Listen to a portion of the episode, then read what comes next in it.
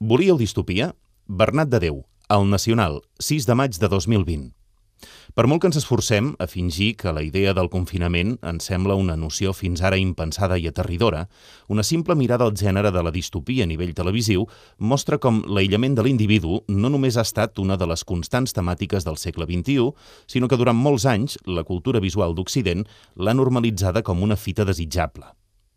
De fet, la sèrie Yankee, que d'alguna forma va iniciar la nova narrativa televisiva que ha explotat tant la sobredosi audiovisual d'HBO i Netflix, em refereixo a Lost, ja especulava amb la idea d'una comunitat d'éssers humans que troba el seu sentit, a saber, que passa d'una existència prototípica de classe mitjana amb els seus corresponents traumes freudians de 3 al quarto a una vida corulla de gimcames heroiques, mercès a un accident que la deixa isolada en un estrany paisatge caribeny on el temps s'atura.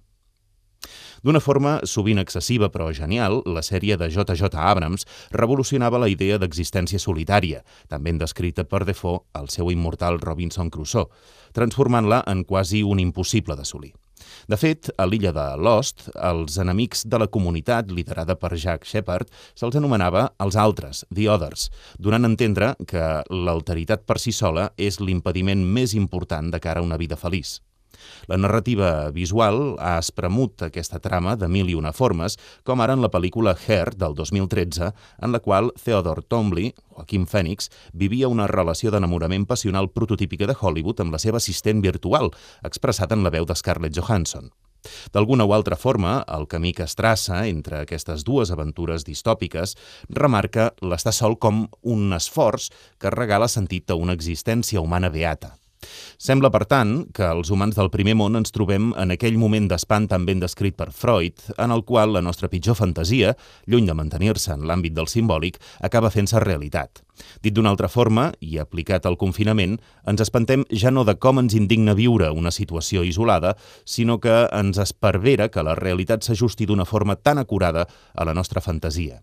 Això es tradueix, en primer terme, en la positura amb què molts conciutadans han fet catarsi del confinament, aprofitant per recalar com la clausura els ha permès no només recuperar hàbits de consum cultural que la vida quotidiana els negava, sinó que, a més a més, els ha regalat el privilegi de tornar a viure l'escalf de la família o de la parella, com si tornessin a capbussar-s'hi per primera vegada, o el de descobrir microunitats d'escalf com ara el veïnat. Lluny de fer-se terrible, insisteixo, el confinament ens ha horroritzat molt sovint pel seu nivell de confortabilitat existencial.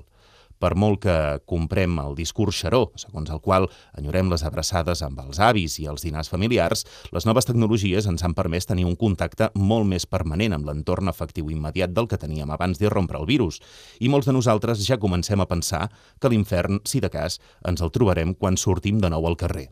Volíeu distopia? Sembla dir-nos al nostre temps. Doncs gaudiu-la. I si de cas us sap greu, doncs no haver-la imaginat amb tanta gràcia.